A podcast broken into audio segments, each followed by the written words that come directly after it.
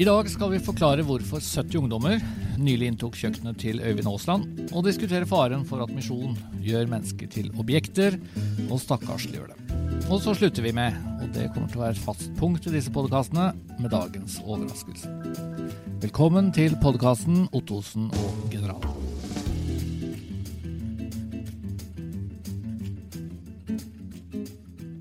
Før vi kaster oss over hovedtemaet vårt, som altså er problemet at misjon kan gjøre folk om til objekter og midler og stakkarsliggjøre dem.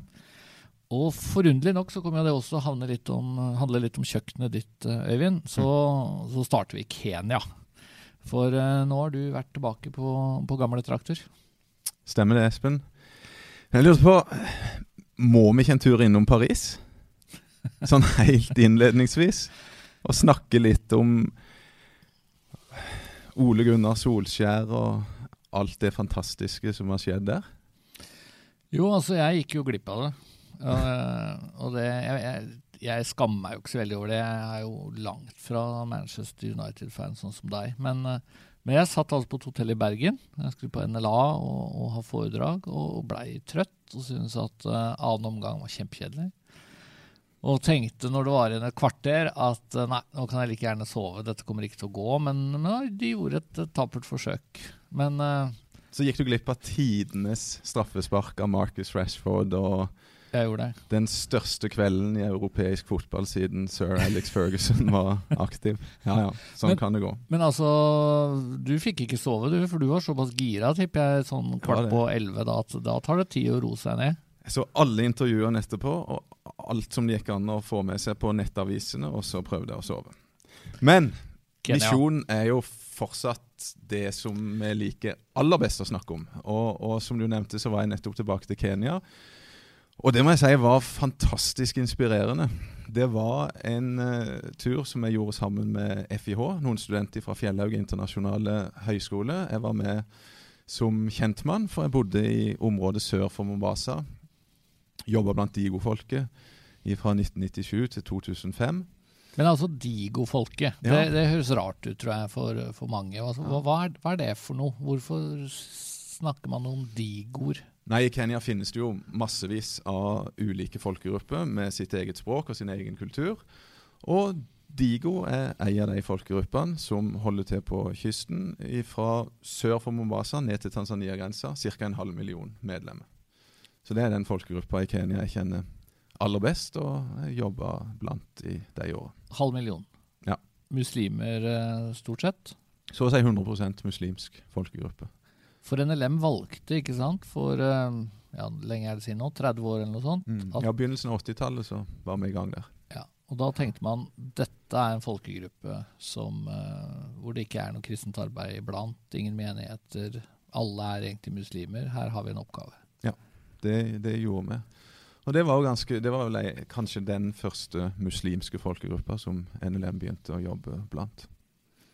Og du var en av pionerene? Nei, det var ikke. Det var mange som var der i flere tiår før uh, Reidun, kona mi og meg, kom i 1997. Da hadde det jo vært uh, folk fra NLM der i nesten 20 år. Ja. Så vi var ikke pionerer, nei. Men vi fikk oppleve Fantastisk flotte ting. Det er jo nesten litt sånn som å reise til Paris med 02 i bagasjen. Du tenker at det er, det er en vanskelig arbeid å, å, å, å få synlige resultater. Men uh, vi opplevde lite grann, og, og, ganske raskt når vi kom ned der, så, så, fikk jeg ansvaret for å sitte og lese i Bibelen med en uh, ganske ung uh, mann, muslimsk, som hadde lyst til å lære mer. Og det førte etter hvert til at han ble døpt og, og, og ble kristen. Tok imot Jesus, som vi ofte sier. Uh, og, og, fikk det ganske tøft da, med, med forfølgelse og, og, det som ofte følger med i en sånn kontekst. I Kenya er det lov å skifte religion, men, men i møte med familie og, landsbybefolkningen der han bodde, så fikk han det ganske tøft. Men han har du holdt uh, kontakt med senere. Han har holdt fast på, på den kristne tro. Mm. Vi har ikke holdt jevnlig kontakt etter at jeg kom til Norge i 2005, men, men jeg har fulgt med han og truffet han av og til når jeg har vært ute på, på tur, og, og, sett at han vokser i, i trua. eh, en av lederne i den lille menigheten som han ble døpt inn i. Og, og, og nå sist, da når jeg var ute og satt i kirka der og hørte på når, når ordet ble gitt fritt, sjansen for folk til å fortelle om noe som de har opplevd i løpet av uka. og Gjerne noe sammen med Gud. da. Så, så var det ei ung jente som reiste seg opp og hadde et flott, gripende vitnesbyrd om hvordan hun opplevde at Gud hadde tatt seg av henne i forrige uke når hun var syk og, og, hadde det vanskelig. Og Jeg lente meg mot Simon og spurte hvem er hun der. Og Han fortalte det, det er dattera til Bakari. Det var han som jeg eh, leste med og, og fikk være med på dåpen til. Så det, det, var et sterkt øyeblikk å, å, se at her er det noe som fortsetter. Kirka vokser, sakte, men sikkert. Eh, og det er andregenerasjons kristne som er klar til å, å, å, ta det her videre og, og leve det ut i, i, landsbyen. For det betyr at hun må oppleve situasjonen veldig annerledes enn en faren. da, For hun har vokst opp i en kristen familie og mm. opplever kanskje også mindre motstand og forfølgelse av den grunn. Absolutt. Uh, jeg, jeg, fikk ikke snakke skikkelig med henne og høre hvordan hun opplevde livet i landsbyen, men det er definitivt ganske annerledes enn det som de førstegenerasjons kristne opplevde. Så, så, det er spennende ting som skjer. Gode, flotte ledere. Og det er ingen misjonær fra NLM som er direkte engasjert i det arbeidet der, men, men det går sin gang, og vi kan få følge med litt fra sidelinja, sånn som det er nå. Dette er altså Digoland, og det er eh, mange menigheter i, i, dette området nå? Det er en del menigheter i den lutherske kirka som vi jobber med. Så, så er det iallfall sju-åtte menigheter nå. Når vi var der, så var det en to-tre. Så, så, det her er noe som vokser. Og, og, vi tror jo at evangeliet har en sånn kraft i seg til å, altså at det, det stadig vil bre seg ut. Vi møttes jo nesten i Kenya, vi da, helt på grensen, for jeg kom rett etter. Ja, du var i Kenya, du òg? Ja, jeg var det. Jeg var ikke nede på kysten da, hvor du var. Jeg var bare i Nairobi, men det er jo en flott by. Og jeg var en uke sammen med Teft familie. Eh, det er jo den bibelskolen som NLM har starta for ja, lenge er det siden nå? Litt over to år siden. Ja. En familiebibelskole. Så det var sju familier og jeg hadde da undervisning i det som heter kristen hverdagsetikk. Det er interessant å, å se der på Teft familie hva som skjer med familier som uh, flyttes ut av den vanlige uh, tilværelsen i Norge og inn i, i, der i Kenya, der de får oppleve helt nye ting. og Besøke slummen og se på kirkearbeid og alt sammen. Tre måneder uh, har de der som, mm. som familier. Og Så det var dagens reklame? Det er mulig å søke. Det er mulig å søke på Tøff familie. Høst og vår. Ja, ja, det er det. Men vi må videre i denne podkasten og til et viktig tema, nemlig faren for at misjon og menighetsplanting kan gjøre mennesker om til objekter. Temaet i Utsyn, som akkurat nå har kommet ut, er altså menighetsplanting. Og Det er kanskje ikke noe vi har snakka så fryktelig mye om i NLM-sammenheng, men nå skriver vi altså om det. Og og vi skriver om noen ungdommer som vil plante en menighet på Tøyen. Og for å få det til, så har de altså inntatt kjøkkenet ditt, Øyvind. Eh, hvorfor det? Hva er det egentlig som har skjedd? Ja, det var en um, veldig fin samling. På stua og kjøkkenet vårt er i ett. da, Så det var både stua, både stua og kjøkken.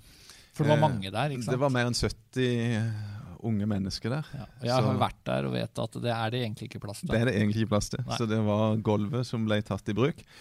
Og det var for å ha den første offisielle samlinga der vi inviterte inn Eller jeg, stå, jeg er med som sånn seniorrådgiver. Vil veldig gjerne være en del av det. Men hoved... Eller så å si alle som, som står i spissen for det nå, er unge mennesker. Så kan Reidun og meg få være med, stille heimen til disposisjon på ett møte. Der vi samla inn folk som var interesserte og hadde lyst til å bli med og finne ut av hva det her var for noe. Så har det vært to samlinger etter det som har vært på Kampen bydelshus. Så nå er vi flytta ut av kjøkkenet vårt.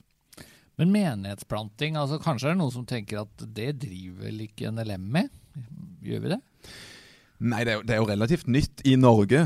Menighetsplanting drev vi med i Kenya, Etiopia og rundt omkring i verden. Men, ja, så, sånn sett så har du erfaring med dette? Litt erfaring ja. med det, ja, ja. absolutt. Men i Norge så, så, så, har det jo blitt mer og mer aktuelt i det siste, ettersom mange unge mennesker tenker at uh, vi vil plante menigheter. Det er den måten vi kan nå andre mennesker med evangeliet på, og det er sånn vi ønsker å leve ut kristenlivet vårt. I, i en menighet, i en forsamling, og, og, helst da i en som tilhører NLM. Så, så, så det vi begynte med i det siste. Men så er det altså sånn at du er litt redd for at dette kan føre til stakkarsliggjøring eller objektivisering, eller jeg vet ikke helt hvilket uttrykk som er aller best.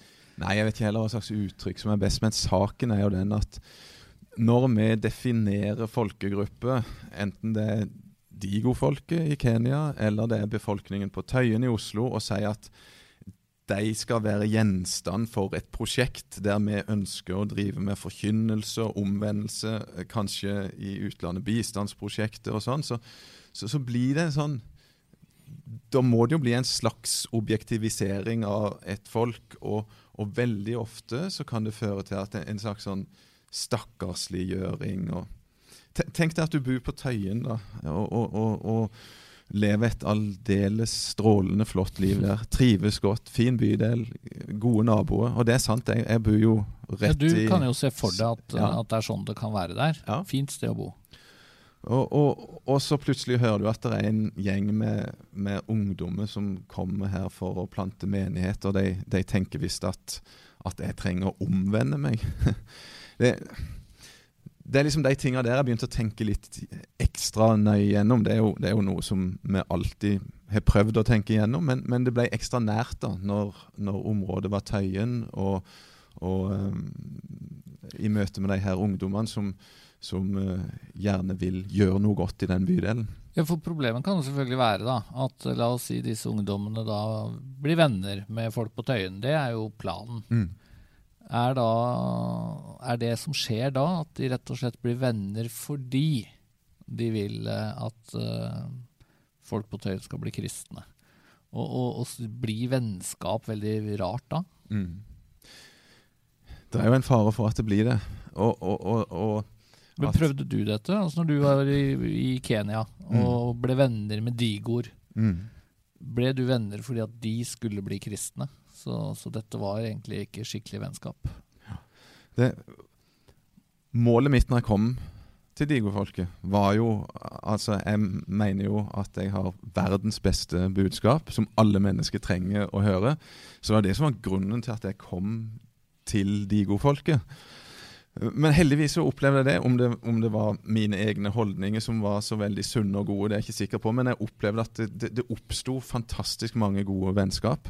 En av grunnene til det var jo fotball. Fordi jeg, jeg likte å spille fotball og, og, og joina den lokale fotballklubben og fikk lov til å trene sammen med dem. Og du blir selvfølgelig best venner med de som heider på Manchester United? Ja, selvfølgelig. Ja. Eh, og Men når jeg kom tilbake nå, så, så var en av gutta som jeg, det virkelig var stas å treffe igjen, det var en av, av lederne i den lokale fotballklubben. Og med, Hvert år så vi jo, så kom det bibelskoleklasse fra Norge som var veldig flinke i fotball. sånn idrettslinje, Og vi hadde noen durable oppgjør mellom den lokale fotballklubben og det her. Så når vi møttes nå, så var det litt sånn småerting og småkrangling om hvem var det egentlig som vant, og hvem var det beste laget. Og et unikt og godt vennskap, på tross av at han fortsatt er muslim og, og lever det livet som han gjorde før vi kom. Så, så det, det, det, tror jeg jo er veldig viktig, at, at, det er sånn det skal være. Og at vi ikke opprette liksom-vennskap fordi at vi ønsker å omvende folk. Så det går an, tenker du, å unngå objektivisering, men, men det er også en fare for at man signaliserer et eller annet? Det, det er iallfall alltid en fare for at vi signaliserer noe veldig uheldig utad. Og, og, og, noen har jo spurt om er det eh, er det fordi at vi er spesielt onde, eller er det fordi vi er spesielt underutvikla? Hva er det egentlig vi mangler? Og og, og, Jesus kan jo også være et godt korrektiv til oss hvis vi begynner å tenke om andre mennesker som veldig sånn deg og oss-kategorier, og at vi, vi, tenker om dem som veldig stakkarslige, og, og, og, at de mangler det meste, egentlig. Mm. Så Den barmhjertige samaritanen er jo en, en fantastisk flott historie som Jesus forteller til disiplene, fordi han ser at det finnes sånne holdninger. Altså Samaritanere var jo fiendefolk. Og, og, og, så setter Jesus opp en samaritansk person som et eksempel på en som er en god neste, og som gjør det gode som, som alle de andre kategoriene mennesker burde gjort før han, altså presten og så Jesus han viser oss virkelig at, eh, at eh, det kan Der er bur godt i alle mennesker på et eller annet vis, og vi skal ikke kategorisere dem som, som noe annet enn det. Nei, for Det har kanskje vært litt av problemet også med mye misjon. da, Hvis man tenker litt historisk på det, så har jo man ofte kombinert eh, diakonalt arbeid, helsearbeid, skolearbeid, alfabetisering, alt dette i veldig fattige områder av verden. Og da kan det jo hende at folk tenker at misjon det handler om å gå til folk det er synd på. Uh, litt sånn bredt forstått, forstått da. Altså, det er mm. synd på dem fordi de ikke er kristne, og det er synd på dem fordi de er underutvikla. Uh, det er synd på dem fordi de er primitive eller et eller annet. Og de trenger liksom hjelp på alle mulige livets områder. Mm. Og Det er vel ikke akkurat det man har lyst til å signalisere, kanskje ikke generelt i misjon, men i hvert fall ikke hvis man skal plante en menighet på Tøyen. At uh, her er det folk som ligger litt ekstra dårlig an på alle mulige uh, skalaer, hadde jeg nær sagt. Hovedgreia er jo at vi, vi vet at alle mennesker er skapt i Guds bilde og hører Han til. Og, og, vi er så heldige å ha fått hørt de gode nyhetene om Jesus som kom for å gjøre det mulig. Og, og det er jo å, å, få dele det på en enkel og naturlig måte mm. i en bydel der vi trives, har det godt, og, og der vi kan få, få, bo som vanlige mennesker og, og så dele det her budskapet om Jesus. Men altså, NLM, vi vi snakker ofte om unådde folkeslag, minst nådde. Ja. Og, og, både i Norge og, og, ellers så kan vi også snakke om at vi satser spesielt på den byen eller det stedet. Mm. Ligger det ikke i sakens natur da, at vi eh, står i fare for å si at det er noen som trenger Jesus mer enn andre, eller det er noen som er ekstra stakkarslige? Jo, det, det er litt vanskelig, her, for jeg vil sterkt mene at vi skal fortsette å gjøre det. Og definere område og folkegruppe. For uh, i, i, verden i dag så er det ca. 3% av de totale ressursene som er til rådighet for kirke og misjon i verden, som blir brukt til å nå folkegrupper, eller arbeid blant folkegrupper der under 2% av befolkningen er kristne. Skjønte du den? Ja, så det aller, aller, aller meste av det som foregår av kristen virksomhet, det foregår der hvor det er mange kristne. Vi bruker allerede. pengene på oss sjøl. Ja. Og, og, Jesus sa 'gå og gjør alle folkeslag til disipler'. Derfor så, så, vil vi fortsette å definere områder og folkegrupper eh, der få kjenner Jesus. Men derfor er kanskje den praten som du og meg begynner her nå, noe som vi må ta ute i fellesskapene våre. Hvordan kan vi gjøre det på en sunn og god måte, på en bibelsk måte, med med det blikket og den tankemåten som Jesus hadde. da, Sånn at vi unngår å sette mennesker i kategorier der de ikke føler seg hjemme eller ikke ønsker å være.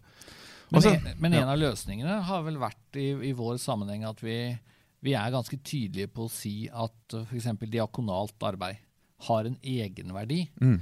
Fordi at Hvis det hadde vært sånn at det ikke, at det ikke hadde noen egenverdi altså Hvis vi eneste grunnen til at vi bygger et sykehus eller har et vannprosjekt eller et eller annet sånt, det at folk skal bli kristne, det er det eneste vi sjekker også suksessen på. Mm. Så, Eller at det er en forutsetning for å få hjelp. Ja, er Eller få vann, at du blir kristen. Ja. ja jeg, jeg, tror det har vært mye sunt og godt i det eh, som vi har drevet med i NLM, og i norsk misjonsvirksomhet eh, generelt. For det betyr ikke sant, at han muslimen du er kamerat med på kysten av Kenya, selv om han fortsatt er muslim, så tenker du at det vennskapet er noe flott. Veldig likevel, flott. Ikke sant? Selv veldig, om det ikke har resultert i at han er blitt kristen. ja. Helt soleklart. Eh, og jeg håper og tror han tenker det samme, og, og at vi er gode venner. Og så ber jo jeg for han da, og, og, ønsker at han skal bli en kristen og, og få Jesus i hjertet, fordi jeg tenker det, det, er det viktigste for alle mennesker. Tror du han veit det, at du ber for ham? Ja, det gjør han. Ja. Det vet han veldig godt. Men jeg også tenker jo at uh, vi, vi, kommer jo ikke forbi at dette vil være en utfordring. fordi at hvis, hvis vi tar bort utfordringen da, og sier at vi skal ikke være spesielt opptatt av å nå de minst nådde, eller vi er alle i samme båt, det spiller ikke noen rolle om man bor i Nord-Afrika, hvor det, er, det, ikke er kirker en del steder, det fins ikke kristen virksomhet, eller man bor si, i Norge, hvor det, er, hvor det tross alt er kirke og kristen virksomhet de aller aller fleste steder. Mm. Hvis man ikke, hvis, man kan jo på en måte bare slutte å tenke sånn. Mm. Men det er jo ganske mange bibeltekster og ganske sterkt perspektiv i Bibelen om at vi skal gå, og kanskje til og med satse særlig på de som ikke har hørt. Det er veldig mange, nevnte allerede misjonsbefalingen, og, og, og Jesus i, i Matteus 24 snakker om at eh, vitnesbyrdet om riket skal nå til alle folkeslag, og så skal enden komme. Ja. Så, så, det er klart det er, det er, mange veldig gode tekster der, og, og, og, viktige tekster som ikke vi kan hoppe over. Og, hvis vi tenker sånn som du skisserer, at det, ja, vi, vi, det, det, er ikke så nøye akkurat hvor vi driver, alle skal jo, så, så blir jo resultatet at vi opprettholder det gamle mønsteret, der vi bruker 97 på oss sjøl, og, og kun en liten del på å nå de som, som aldri har hatt sjansen til å høre evangeliet forkynt før. For Jeg tenker faktisk på det hver gang jeg er i Nairobi. Nå har jeg vært der noen ganger, vi snakka om det i stad. Jeg har vært på denne Teft-familien. Uh, og, og, bare turen, altså, fra flyplassen og til der NLM har sitt hovedkvarter så jeg tror at Hvis jeg teller, så ser jeg sikkert 50 skilt til kirker, mm. menigheter, alskens kristen virksomhet. Og for meg så er det litt sånn opplagt at skal du drive med misjon, skal du liksom starte noe nytt og friskt og viktig, så starter jo ikke Nairobi City og lager enda en menighet når det vrimler av det. Du gjør ikke det. Og, og, så Vi må definere de områdene der det er mest strategisk for oss å drive. Og så må vi unngå den der instrumentaliseringa Nei, det ble litt feil. Objektivisering, stakkarsliggjøring av folk. Ja. Men vi må gjøre det med respekt. Vi vet at vi møter en kultur som er, det er ekstremt mye positivt i, ting som vi kan lære. Eh, andre ting som, som, kan være usunt eller, eller eh, skadelig. Men, men, hovedsaken er jo at vi ønsker å komme med et, eh, et godt budskap. Som selvfølgelig provoserer. Altså, for en gjennomsnittlig nordmann som ikke har noe forhold til kirke, tro, bedehus, så er det jo provoserende å høre at uh, vi tror at vi har funnet sannheten med stor S, og at den gjelder alle mennesker.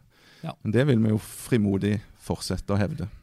Ja, ja vi, vi, tror rett og slett at det går an å kombinere en tydelig tanke om at alle trenger Jesus, og at derfor har vi et særlig ansvar for å forkynne der hvor folk ikke har hørt navnet Jesus. Og Jeg tenker jo på 1. Korinterbrev 15 veldig ofte, hvor Paulus sier at han har satt sin ære i å forkynne evangeliet eller Kristi navn der hvor det ikke er hørt. Mm. Um, det var et eller annet veldig målretta, med mm. måten Paulus opptrådte på. Men det går an å kombinere det perspektivet med å også få fram at alle mennesker har noe vi som kristne kan lære av dem. Mm. Og, og, kanskje skal man i hvert fall ikke tenke at det finnes et eneste sted i verden som er Guds forlatt. Nei, det, det, er blitt veldig viktig for meg, altså. Det med jeg, jeg skvetter hver gang jeg hører iallfall noen som, er, som jeg tror er kristne eller har et forhold til Gud, når de snakker om det var et gudsforlatt sted. Nei, sånn en plass finnes faktisk ikke på jorda. Gud er allesteds nærværende. Uh, og, og, han er faktisk interessert i en relasjon til alle mennesker. Det viste han så tydelig når han når han sendte sin sønn. Og, og, og, det er jo det som er oppdraget vårt, å, å, å vise fram det til mennesket. Og la de få et valg, iallfall. Men vi skal nå til uh, siste tema i denne podkasten. Og da skal vi snakke om noe som har overrasket oss uh, i det siste.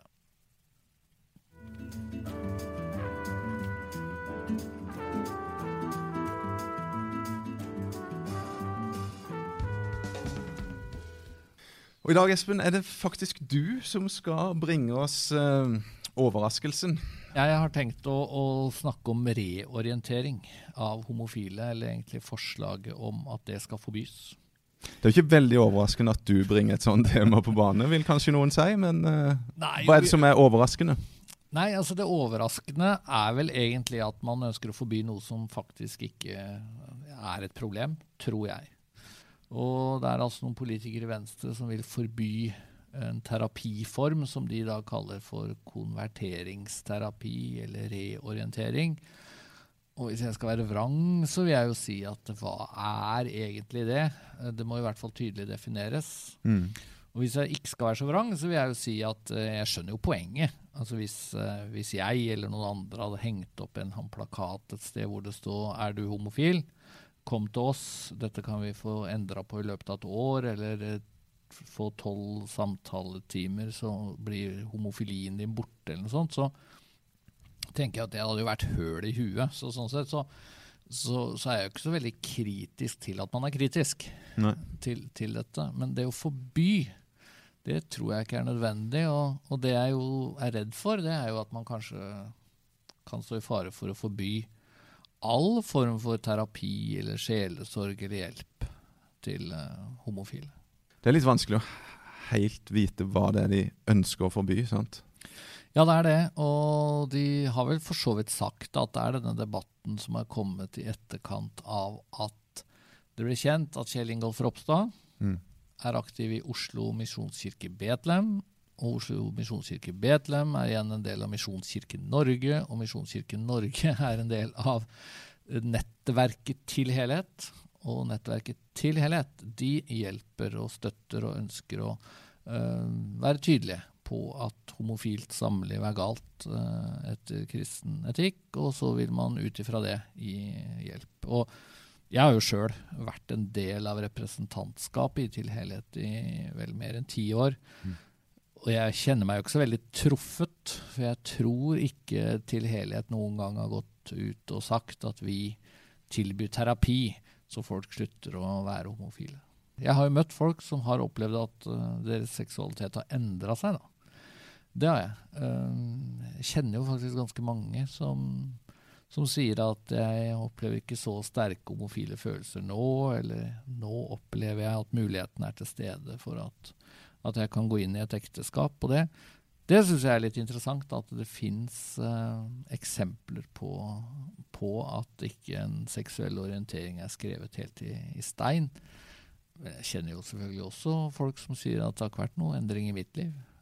Og en av de mest kjente, han Bjørn Helge Sandvei, som jo var proff, lærer på MF i gresk i mange år og har stått fram veldig tydelig om at han opplever seg som homofil. Eh, det tror jeg han gjorde fra han var 15 år, og nå nærmer han seg 75. Så det er klart at seksuell orientering kan også være ganske stabilt. Men tror du det er mulig å snakke om det her med politikere og andre på en ja, måte der vi kan prøve å forstå hverandre og nyansene i det som du sier nå. Reorientering eller en mulighet til at seksualiteten endrer seg og sånne ting. Jeg tror jo også at vi som kristne som står for denne tanken om at homofilt samliv er galt, at vi må bli flinkere til å snakke presist. Mm. Jeg tror f.eks. at det er en del som tror at det vi mener, er at det finnes to typer uh, seksuelle orienteringer. Den ene typen den er bra, og det er heteroseksualitet. Og så er det en seksuell orientering som er dårlig eller syk eller ond, og det er homofili.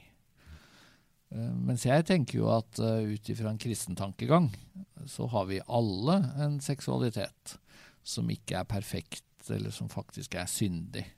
Uh, og det betyr at vi går jo ikke og sier til homofile at dere er særlige syndere Eh, dere, dere, er noe ekstra galt med, og derfor trenger dere terapi som, som ingen trenger. Og til helhet har faktisk vært ganske gode på å si at det kan jo være folk som sliter med porno, eh, avhengighet eller, eller, noe annet som gjør at de også vil snakke med noen om hvordan kan jeg leve eh, som en kristen. Mm.